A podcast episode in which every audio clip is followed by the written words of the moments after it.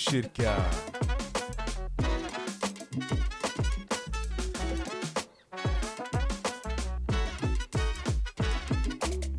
Hej och välkomna till Botkyrkas ungas podd. Mitt namn är Maria.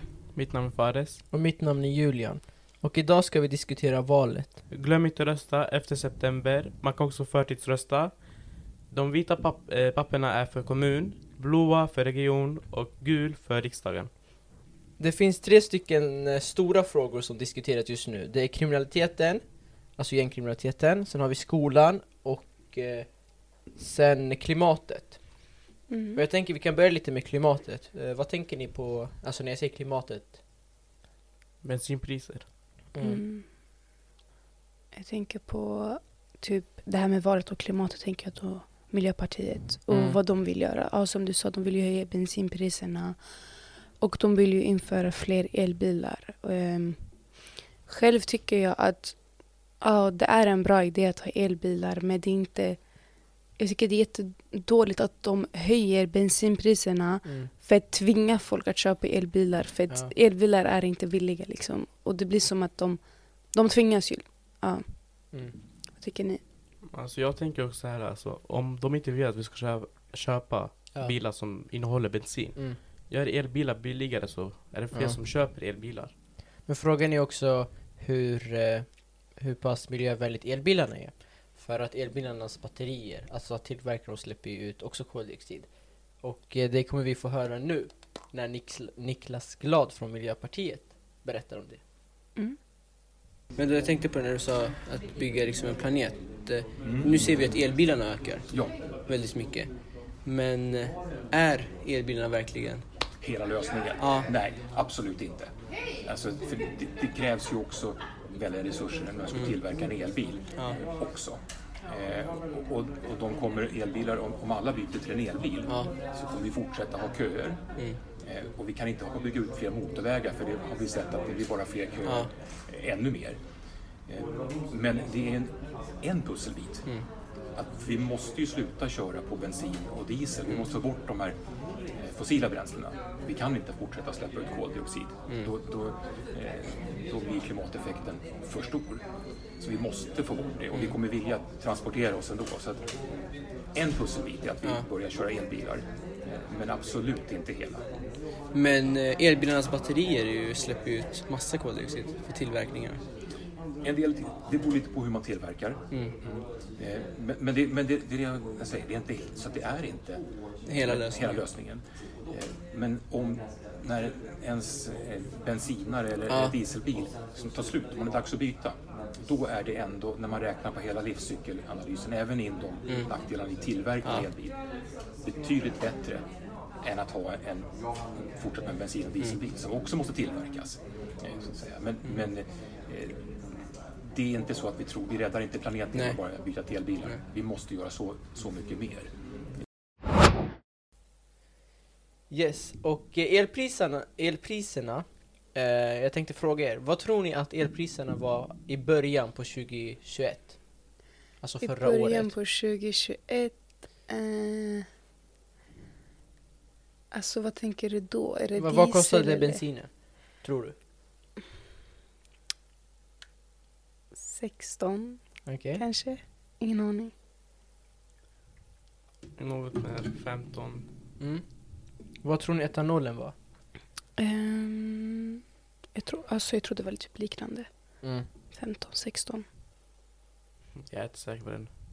Eh, och diesel? Liknande. Alltså jag tror det är mellan Ja, det- 15 och 16 kronor för liksom alla tre. Mm. Vad tror ni det är nu 2022? Eh, nu tror jag, alltså grejen de höjer och sänker. Så det är så här, just nu vet jag inte, så kanske mellan...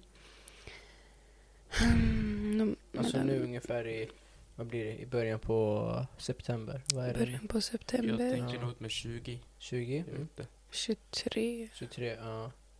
I början på 2021 så var bensinen på 14,04. Mm. Eh, etanolen var på 11,05 och Oj. dieseln var på 14,67. Mm, det var nära. Ja, och nu 2022 så har vi, och det är som du ser Maria, de höjer och sänker. Så det är inte de värsta priserna som har varit, det har varit värre men just nu så ligger de på, bensinen ligger på 18,83 Oj. Ja, Etanolen 18,02 och sen diesel 24,26. Oj. 24 Ja. och innan Mm. var det 14. Ja, exakt 14,67. Så de Cirka har 10 höjt. kronor. Ja, med hög. 10 spänn. Oj.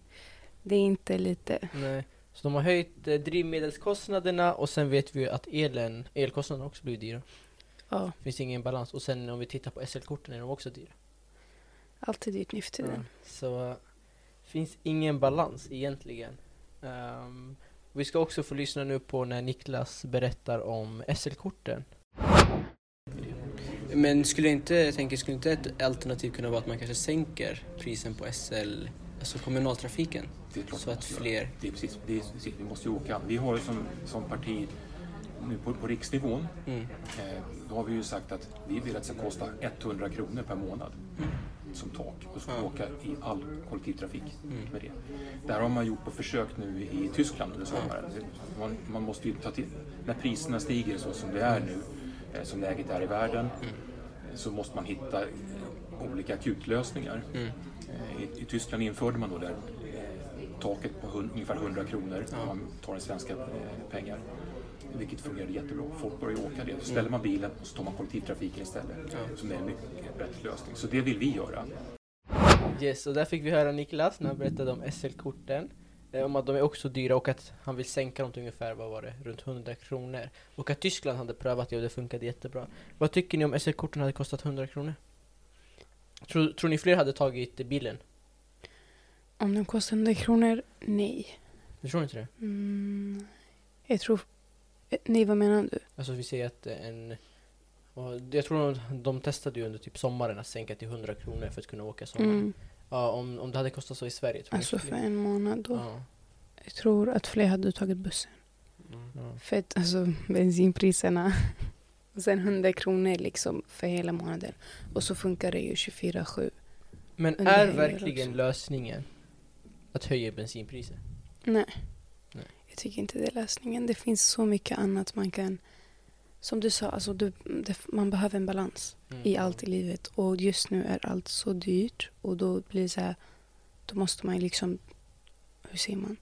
Sluta köpa till exempel råvaror. Alltså råvarorna är exakt. också jättedyra. De måste ju Mm. liksom minska allting och då är det så här... Det blir, ja, det blir allmänt jobbigt. Ja. Ja. Eh, Men eh, han nämnde ju elbilarna och en sak som jag också nämnde i en intervju som vi kommer få lyssna på är ju att det går ju mycket fortare att ladda en bensinbil. Alltså eh, ladda, eh, tanka en bensinbil. Tanka. Jag tankar bensinen, jag åker iväg. Mm. Mm. På en elbil så snabb laddning ungefär 15 minuter, vanlig laddning säger en halvtimme. Mm. Tror ni att det kan ha med att folk inte vill vänta? De här 15 minuterna. När man skulle kunna vara på väg till en plats. Alltså jag tror typ de flesta har ju... Alltså de flesta som äger elbilar de har nog eh, en elstation nära sig. Typ oftast i parkeringshusen brukar oftast finnas elstation. Eller så har folk vid sina villor, om man har en villa, så brukar man ha ju liksom en laddnings... Eh, en elstation har de. Ja, Så de kan liksom ladda. Som, ja. Ja, jag brukar se på parkeringen finns det elstationer Mm. där man kan ladda bilen. Ja, men alltså dessa parkeringen tror jag folk som har stress inte pallar vänta, liksom orkar inte vänta. Men jag tänker om man har oftast i sitt parkeringshus eller vid sitt hus, då tror jag att det inte är ett problem för de laddar liksom bara Ja. medan man inte använder den. Mm. Så sitter den bara där och väntar liksom. Visste ni om att Sverige har nu världens näst högsta dieselpriser? Oj. Oj. Ja, Världens. ja exakt. Det står här, dag för dag slår länder världen över rekord i historiska höga drivmedelspriser. Sverige har nu världens näst högsta dieselpriser. Ja, det är inte... Det, är något, det här är inte något positivt som Sverige har hamnat tvåa på. Det är verkligen inte något bra. Ja, det är någonting jättenegativt. Ja, det är dyrt. Eh, Men en annan sak som diskuteras väldigt mycket är ju skolan. Det är många partier, många politiker som nämner skolan. Och, eh, och jag tänker att vi kommer nu få lyssna på en utav dem där eh, Liberalernas Ingmarie Wiklund berättar om att det är viktigt att ha en trygg förskola, en trygg grundskola och sen en trygg gymnasie. Så min första fråga som eh, jag ska ställa dig är hur ska man arbeta med barn och unga generellt? Generellt? Ja. Ehm, ja, som liberaler så ser vi ju att eh, skolan är en väldigt viktig komponent för att eh, ge barn och unga en bra uppväxt och bra förutsättningar att få ett bra liv. Så att det är ju någonstans där man måste lyckas. Eh, och det, det är ett kort svar som Mm. har jättemånga delar Ja. under sig. Så det är ju ehm, allt från förskolan upp till gymnasiet Mm. och sen vidareutbildning är någonting som måste klaffa. Och dels handlar det om att man ska såklart få rätt eh, kunskaper Mm. så att man faktiskt lär sig det man behöver för att klara livet och Mm. få ett bra jobb. Men det är också andra delar i att gå i skolan som såklart handlar om att få en, en eh, trygghet, att trivas. Eh, ofta träffar man sina vänner Ja. och sociala sammanhang. Eh, skolan kan ju också kompensera om du har eh, otrygga familjeförhållanden. Mm. Så kan skolan liksom eh, stötta upp där. Så skolan är ju ett, ska jag säga att skolan är ju ett fantastiskt verktyg för oss att kunna hjälpa Mm. barn som har det lite svårare och såklart se till att alla barn kan få sin fulla potential. Så det är ju skolan som är, är, är det absolut viktigaste. Sen finns det ju många saker runt omkring som att skapa bra fritidsaktiviteter eller ja, när det går riktigt illa för ett barn, se till att du har ett skyddsnät såklart. Mm. Eh, Så det är många delar i det men jag tror ju att en, en lyckad skolgång det är, det är det som är det största skyddet Ja. för, ett, för att lyckas i, i, i livet Mm. i stort. Och visste ni om att det är ungefär 16 000 elever som går ut skolan utan fullständiga betyg? Oj. Det är mycket. 16 000. Och eh, de eh, flesta partierna nämner ju att det ska sättas in mer pengar till skolan. Men ungefär halva av kommunens budget går ju redan till skolorna, ungefär 48 procent. Eller om, det, ja, om de har nu slagit 50. Och de vill lägga mer. Ja. Det är sjukt. Oj. Så frågan är om det verkligen är pengarna som är problemet eller om det handlar om styret i skolan som är problemet. Alltså om de redan lägger hälften av kommunens Mm. pengar, då jag tror jag inte det har med pengarna att göra. Nej.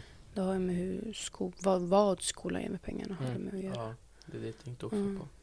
Vad tror ni skolan gör då med pengarna? Förutom att betala ut lön?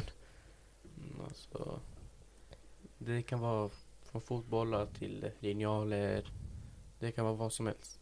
Mm. Mm, typ datorer är oftast dyra vet jag. Mm. Mm. Man typ inte lär barnen att hantera de här dyra, de här dyra, hur säger man, Datorerna. datorerna. Mm. Ja. Då blir det jobbigt.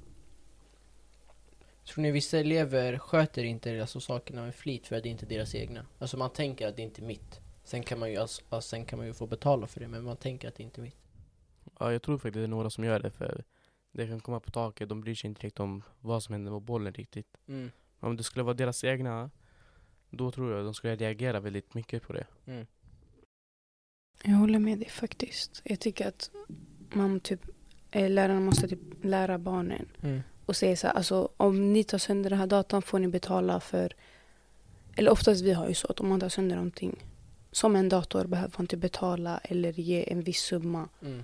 som typ ersättning. Ja, precis. Ingmarie Wiklund trycker väldigt mycket på, som jag nämnde innan, förskola, grundskola och gymnasie. Mm. Tycker ni att alla tre är viktiga eller? För att man behöver ju inte gå gymnasiet. Det måste man ju inte. Mm. Tror, tror ni att det är ändå viktigt att ha med sig gymnasiet? Ja, självklart. För att, eh, förskolan, det är liksom... Alltså en människas fem första år är de viktigaste. Det är där man lär sig mest som språk och Mm. som, alltså allmänt. De fem första åren är liksom det viktigaste. Mm. Och det har ju förskolan hand om. Sen kommer grundskolan. Och då lär du dig liksom grunden, eller hur? Mm. Eh, och sen därefter är gymnasiet. Och då är det lite mer fritt. Då läser man mer det man är intresserad av. Då, då man kan välja olika linjer.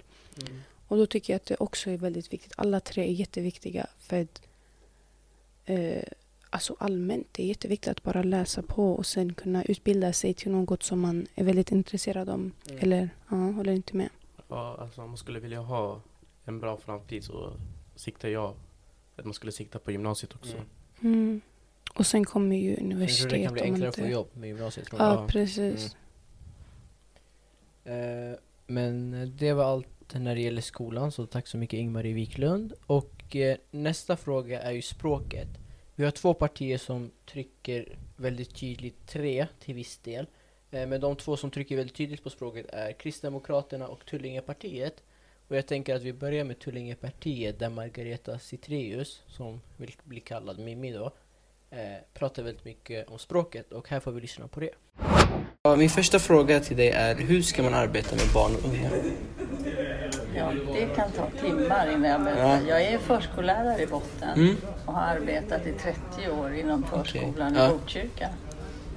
Och varit som förskolechef i Tullinge i 16 år.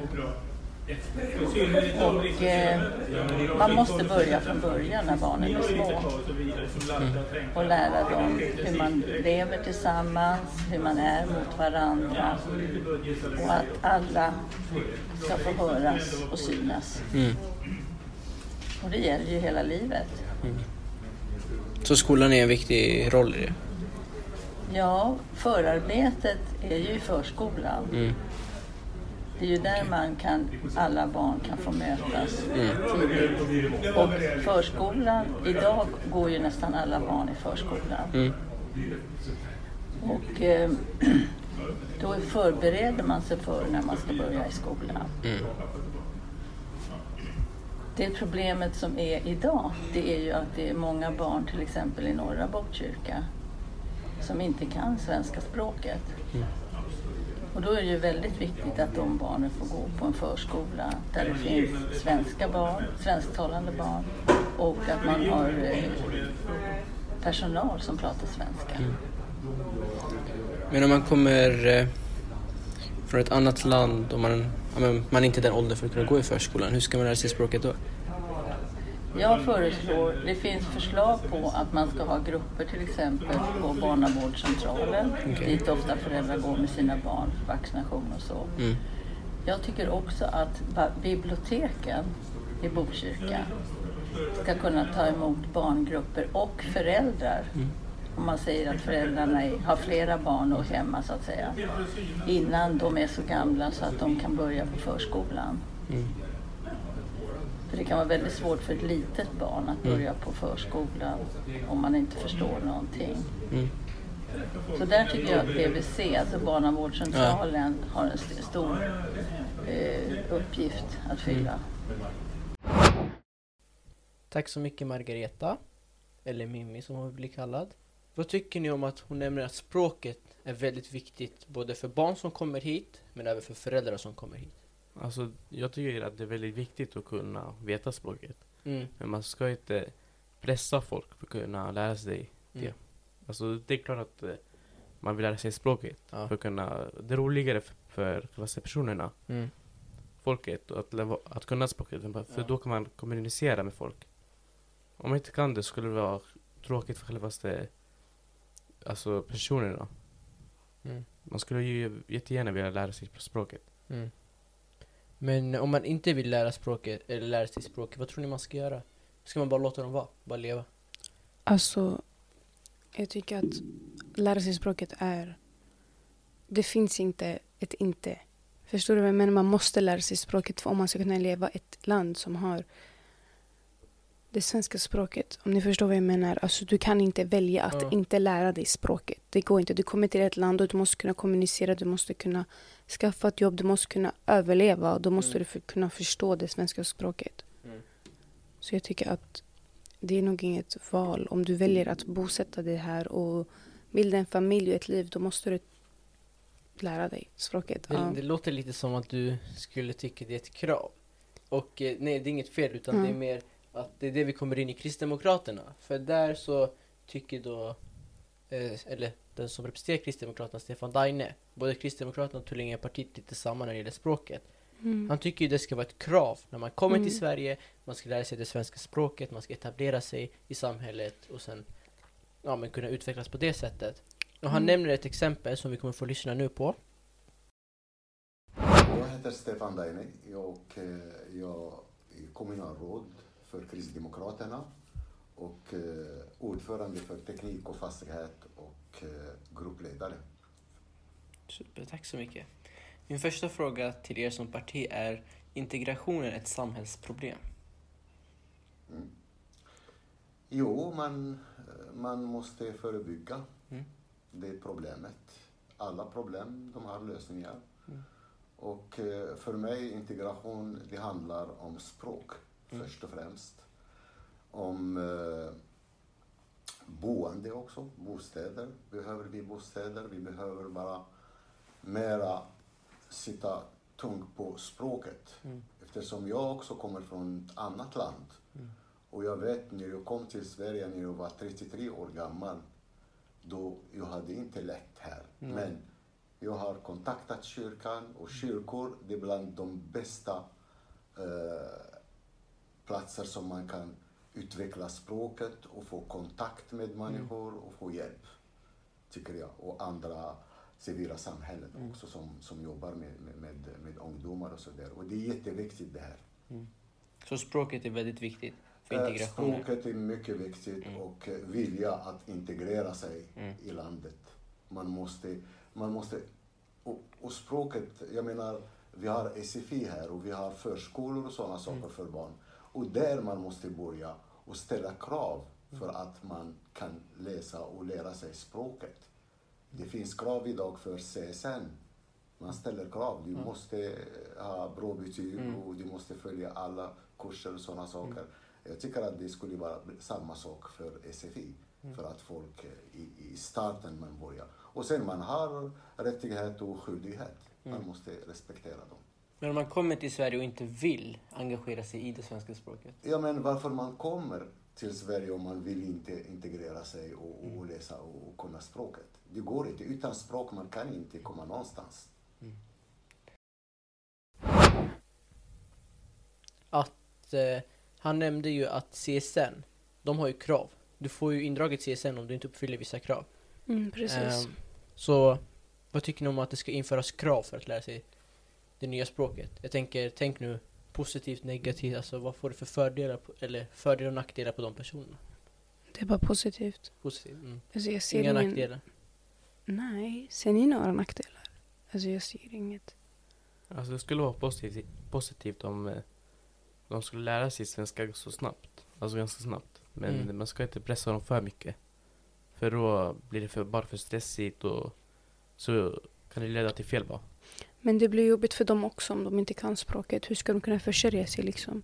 Det finns säkert sätt som, eh, som går liksom för de som inte kan prata svenska. Men Mm. det vore mycket enklare för dem om de lär sig språket. Ja. Så ja, jag håller med. Det borde nog vara ett krav. Och eh, vi lyssnar nu på Stefan Daine där han berättar om om man inte vill lära sig språket. Tack Stefan Daine. Nu tycker jag att, eh, eller har ni några frågor om språket eller någonting ni tänker på? Nej, jag tror jag vi fick med inte- allt. Nej. Riktigt. Mm. Eh, Då flyttar vi oss till en fråga som diskuteras väldigt mycket och det är gängkriminaliteten. Jag tror ni har missat det här. Jag tror det disku- alltså, ni har hört det. Det Mm. diskuteras mycket. Man ska vända på varje sten med olika partier, man ska göra si, man ska göra så högre straff, visitationszoner, kameraövervakning. Jag tänker vi börjar med, vad tycker ni om att de vill införa visitationszoner i vissa områden? Vad menar du då? Alltså, Men visitationszoner innebär att befinner, befinner du dig i ett område mm. så har polisen rätt att kolla igenom dig. Ehm, alltså... Gud, det är en svår fråga. Så de behöver inte liksom ha en anledning. Bara att du står där får du göra det. Vem är det som har liksom lagt fram det här? Eller, det är du? flera, det är flera eh, partier, men jag tror det, om jag inte nu är helt fel, så tror jag det ligger mest på högersidan. Gud, jag vet inte. Alltså det, vore, det, det beror på liksom vart. Det måste liksom Alltså, vara ett, ett stort, en stor zon. Mm, Förstår mm. du vad jag menar? Alltså jag tänker ju det finns fördelar och nackdelar. Det finns absolut Mm. fördelar att man kanske, man kanske får fast någon som bär någonting som inte de ska bära på. Mm. Men sen tror jag det finns också en nackdel och det är den här mänskliga friheten vi har. Mm. Att den begränsas mycket mer. Mm. När du helt plötsligt bara kan bli visiterad. Alltså, du alltså jag säger inte att man, att man bär på något, men att Alltså hur, hur, hur kommer det egentligen kännas att du bara blir visiterad bara för att bli visiterad? Alltså, Ja, jag förstår vad du menar. Man, man kommer liksom Mm. känna sig väldigt för- förtryckt också. Men om de gör de här äh, vi- visitationszonerna och folk vet vart det är kommer folk liksom ta avstånd från det. Mm. Okej, så du menar att folk kommer förflytta sig från platsen? Ja, precis. liksom. Folk kommer Mm. gå och hitta andra ställen och då Mm. kommer de, om det här blir en grej, då, då kommer de försöka göra fler visitationszoner.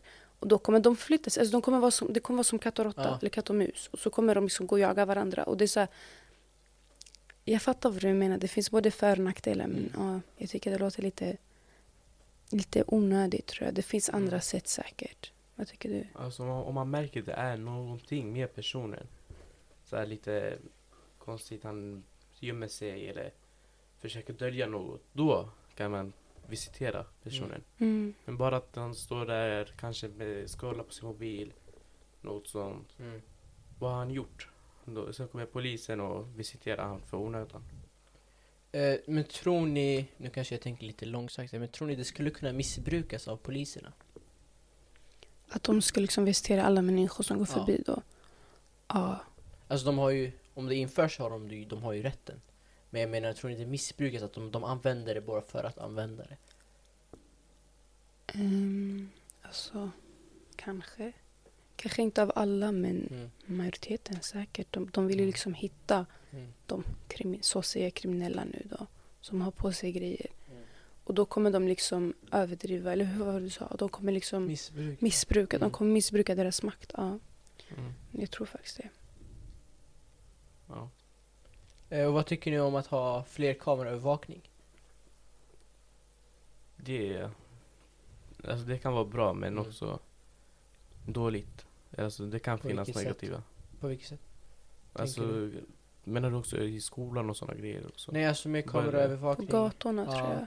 Gatorna, det kan ju vara bra. Mm. Ja. För man vet vad som kan hända på gatorna. Man kan få kanske alltså en positiv sak där att en kriminell går förbi där och misshandlar en person. Man vet Mm. inte. Så har man en redo kamera där så kan man kolla. Mm. Jag håller med dig faktiskt. Det vore nog en... Det var ett bra förslag faktiskt. Och det, det här är ju på grund av kriminaliteten då. Mm. Att de vill ta fram det. Men jag tycker att det, det är väldigt positivt för andra grejer. Om någon blir kidnappad eller misshandlad som du sa. Då kan man liksom, då har man beviset där. Behöver, man behöver nästan inga vittnen. Om det är så att det är under kvällen. Mm. Och hur tänkte ni på tryggheten? Tror ni den kommer bli... Tror ni tryggheten kommer bli... Vad heter det? Bättre? Alltså att kanske folk vågar vara ute längre eller det blir säkrare att komma hem kanske på kvällen från jobbet när man har alltså när man vet att det är kameraövervakning. Tror ni att det blir en, en lättad känsla? Eller tror ni det kommer att vara samma sak? Alltså, det kan vara en lättare känsla för, no- för några. Mm. Men inte kanske för alla. För man vet inte riktigt vart de här kamerorna alltid ligger. Det- Jag trodde det skulle vara en trygghet men jag tror att det blir en liten del av sig själv. Kanske känner sig lite trygg men inte, inte, Inte en helhet. inte en helhet. För det finns alltid, man har alltid en tanke. Man har alltid någonting som säger var försiktig. Mm. Och ibland måste man lyssna på den och inte bara tänka åh det finns kameror, det är inte värsta grejen. Även om kameran är där, man kanske har mask eller någonting. Förstår du vad jag menar? Så man ska, man ska inte vara helt trygg ändå. Eller man ska inte känna sig helt trygg. Förstår, om ni förstår Mm. vad jag menar. Mm. Och eh, fler partier nämner ju högre straff. Vad tycker du om det? Att man ska få högre straff? Ehm, jag tycker.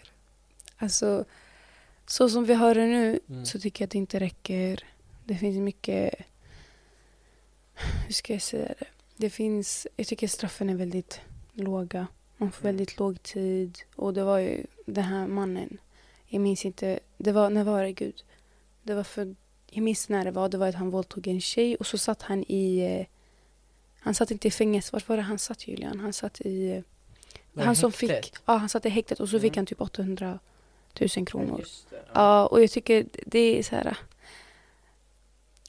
Ingen ska förtjäna, ingen, alltså typ, till exempel nu tjejen, hon förtjänar inte att kunna få reda på detta, att henne, mannen som våldtog henne då, Mm. ska få 800 000 kronor för att han satt och väntade i häktet på grund av att det tog så lång tid. Mm. Och han fick vänta där i jag vet inte hur länge. Mm. Och jag tycker det är jättefel. Ja. Mm, poliser borde faktiskt bli lite strängare än vad de är just nu, Mm. tycker jag. Så högre straff skulle vara en positiv sak då enligt er eller? Ja. Jag tänkte, eh, vad heter det, fråga också. Visste ni om att Sveriges fängelse idag är fulla? Och ungefär 2400 dömda brottslingar står i fängelsekön. Oj. Bara ni kunde se min blick på Julia när jag precis läste Och det detta här. innebär då att de, när man står i kön så är man Mm. ju, man går ju runt liksom fortfarande fritt. ja. Och de begår, vissa av dem begår ju nya brott hela tiden.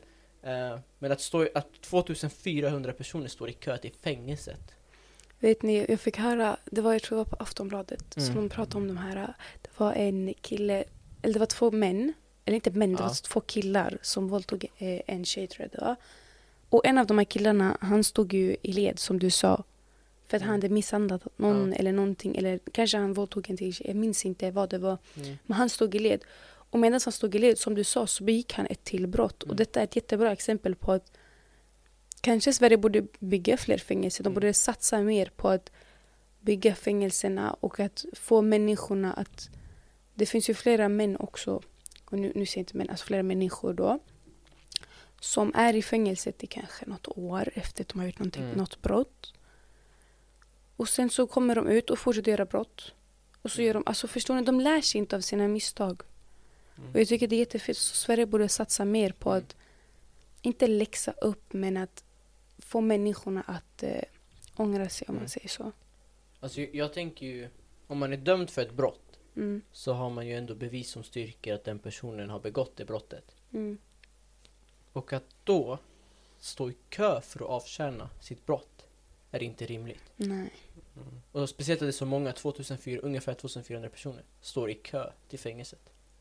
Alltså det låter ju konstigt för att det känns som att folk inte, när de är i fängelset, då är de inte där så länge. Nej, Om men man har typ man jämför. begått ett brott så ska man ju in. Ja, Det, det, är, precis. ing- det är ju typ inte liksom... Det Kanske inget, borde bygga fler fängelser. ja, man kan ju inte ha ett kösystem till fängelsen. Nej, precis. Det De låter... kan ju också göra, om, göra vet du, det, fängelserna större också. Mm. Mm. Ja, det, Det skulle också ju. gå. Mm. Men eh, en, eh, för att byta lite nu, något som pratas väldigt mycket om integrationen i Mm. samhället. Eh, och eh, Vänsterpartiet, Mats Einarsson, lyfter, i- lyfter upp eh, lite om kriminaliteten. Och tycker att det är ol- olyckligt att man kopplar ihop kriminaliteten och invandringen. Och eh, vi får lyssna på Mats Einarsson. Ja, jag ska presentera mig. Mm. Just, då gör vi det. Mats Einarsson heter jag. Jag representerar Vänsterpartiet. Är gruppledare för Vänsterpartiet i kommunen och har varit det ganska länge. Eh, Den här mandatperioden har ju vi varit i opposition men innan dess så eh, var jag kommunalråd i 12 år och ordförande för socialnämnden. Min första fråga till dig är eh, om integrationen är ett samhällsproblem. Ja, det är det naturligtvis. Eh, nu har jag lite svårt för begreppet integration. Jag tycker inte att det är ett bra begrepp. Mm. Därför att det ger en slags mental bild av att det är någon, någon typ av minoritet som ska integreras i det stora Ja. majoritetssamhället. Och så är det ju inte riktigt. Eh, I synnerhet inte här i Botkyrka där det inte finns någon majoritet överhuvudtaget utan alla tillhör vi olika minoriteter.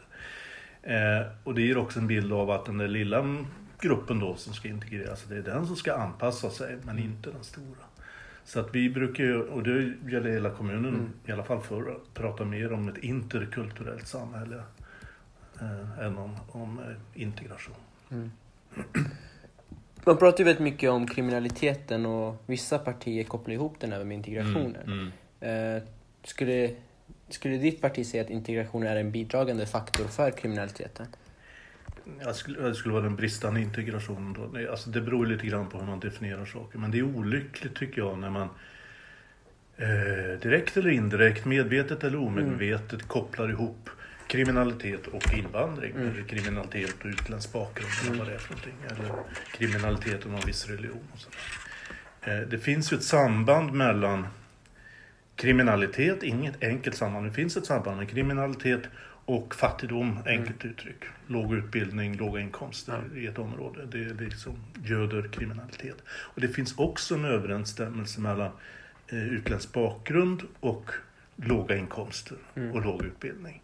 Men det betyder ju inte att det är invandringen eller invandrarna som är orsak till kriminaliteten. Det är ju fortfarande, ska man ju komma ihåg, 96 eller 97 procent av alla i det här landet, inklusive invandrare, begår aldrig några brott överhuvudtaget. Okej, där fick vi höra på Mats Einarsson.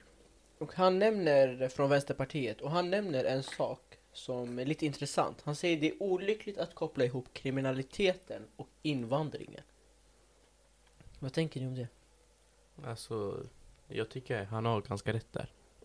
För det finns... Eh, invandringen kan också vara, hjälpa Sverige. Det är inte alltid negativ grej för Sverige. Och kriminalitet, eh, att koppla kriminalitet med invandringen, det är helt fel faktiskt, Mm. tycker jag. För det finns några som har bott i Sverige hela sitt liv kan vara kriminella. Det är inte bara invandringen som är kriminella alltså. Om jag frågar hur många skjutningar tror ni har skett eh, 2022? Och då menar jag från januari fram till slutet på augusti. Ehm, då tänker jag väl i hela Sverige. Ja.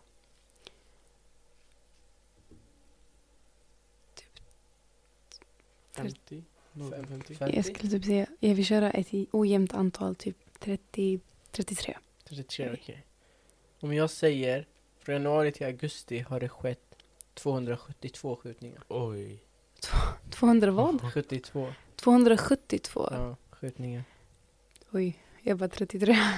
Och eh, en intressant sak, eh, jag har hämtat de här statistiken från polisens egna hemsida. Mm. Och en intressant sak som jag märker är, hur många skjutningar tror ni skedde i januari I januari, bara januari, 2022?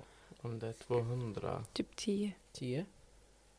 227 var det. Alla Ja, i om hela ja, Sverige va? Kanske Ja. på takt mer. Eh, 30? 30? På, I januari har det skett totalt 29 skjutningar. Ja, det var nära nära. för dig. Ja. Men alltså kan ni tänka, det är i stort sett en skjutning varje dag. Oj. Det är inte- Om sant. man tänker efter. En skjutning var det. En- Hur många skjutningar tror ni skedde i februari? 27. 20, 25. Hur många skjutningar, skjutningar i mars? 30. 35. 40. Oj. Ah, Ser mars. där är det ju en skjutning varje dag och fler. Ja, April, eh, 50. Jag kommer bara gå upp alltså. 40, 60. 41. Och sen fortsätter det 34, 33, 41, Mm. 29. Men alltså i stort sett kan man säga det är en skjutning varje dag Mm. som sker. Grejen med det här med kriminalitet och invandringen, jag tror som du sa Fares, det har en koppling Mm. men den, alltså den största faktorn är ju på grund av fattigdom. Mm. Och fattigdomen är oftast bland invandrarna som precis har kommit till ett nytt land och Mm. försöker börja om, liksom börja ett nytt liv. Då är oftast fattigdom den, stör, den största faktorn. Mm. Och därför tror jag att folk kopplar invandringen till Mm. kriminaliteten. Förstår ni vad jag försöker komma Ja. fram till? Ja. Så därför jag tror att folk säger kriminalitet, invandring. Det, det är en grej. Ja. Förstår ni vad jag menar? Men eh, 272 skjutningar. Och vi har 365 dagar. Och det är liksom, Oj, vi är inne det är liksom, ja, på hälften. Så att vi får se hur mycket det blir, men i stort sett kan man säga en skjutning per dag. Ja, vänta. Och av de här 272 skjutningarna så har antalet avlidna varit totalt då 46 stycken. Men det är ändå jättemycket. Ja, det är... 46 stycken. Mm. Står det vad, vad skjutningarna är? Alltså är det på grund av Nej, det står inte... gängvåld eller är det på grund av... Jag tror de har innefattat totalt, alltså skjutningar, alla skjutningar som sker. Jaha, okej men då är, det, då är det väldigt blandat tror jag. Det, ja, Ja, men så kan man också tänka att jag tror kriminaliteten är lite högre ja, jämfört självklart. med de andra skjutningarna. Ja. Men det var det. Och, eh, och det går att koppla ihop lite med Socialdemokraterna för vi kommer nu få lyssna på vad Gabriel Melki från Socialdemokraterna sa Mm. gällande kriminaliteten. Eh, flera partier har ju lyft upp att integrationen kopplas ihop med kriminalitet, att man tycker att det är en bidragande faktor för kriminaliteten. Skulle ditt parti också säga det? Nej, jag skulle inte säga att det, är ju, att det är skälet till det. Utan det är ju mera andra skäl som gör att man eh, så att säga, ja, går in i brottsliga banor. Mm. Det har inte med om man är integrerad eller inte utan däremot så ser vi ju då de ungdomar eller andra som eh, hamnar i det.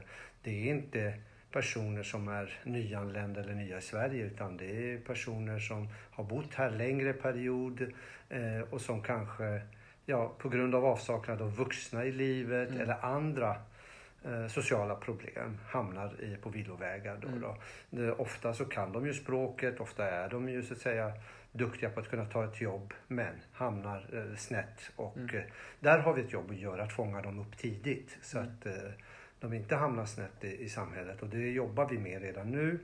Redan i skolan så har vi ett olika program som ser till att mentorskapsprogram som Mm. ska fånga ungdomarna. Eh, Så nej, jag skulle inte göra den direkta kopplingen, Mm. nej.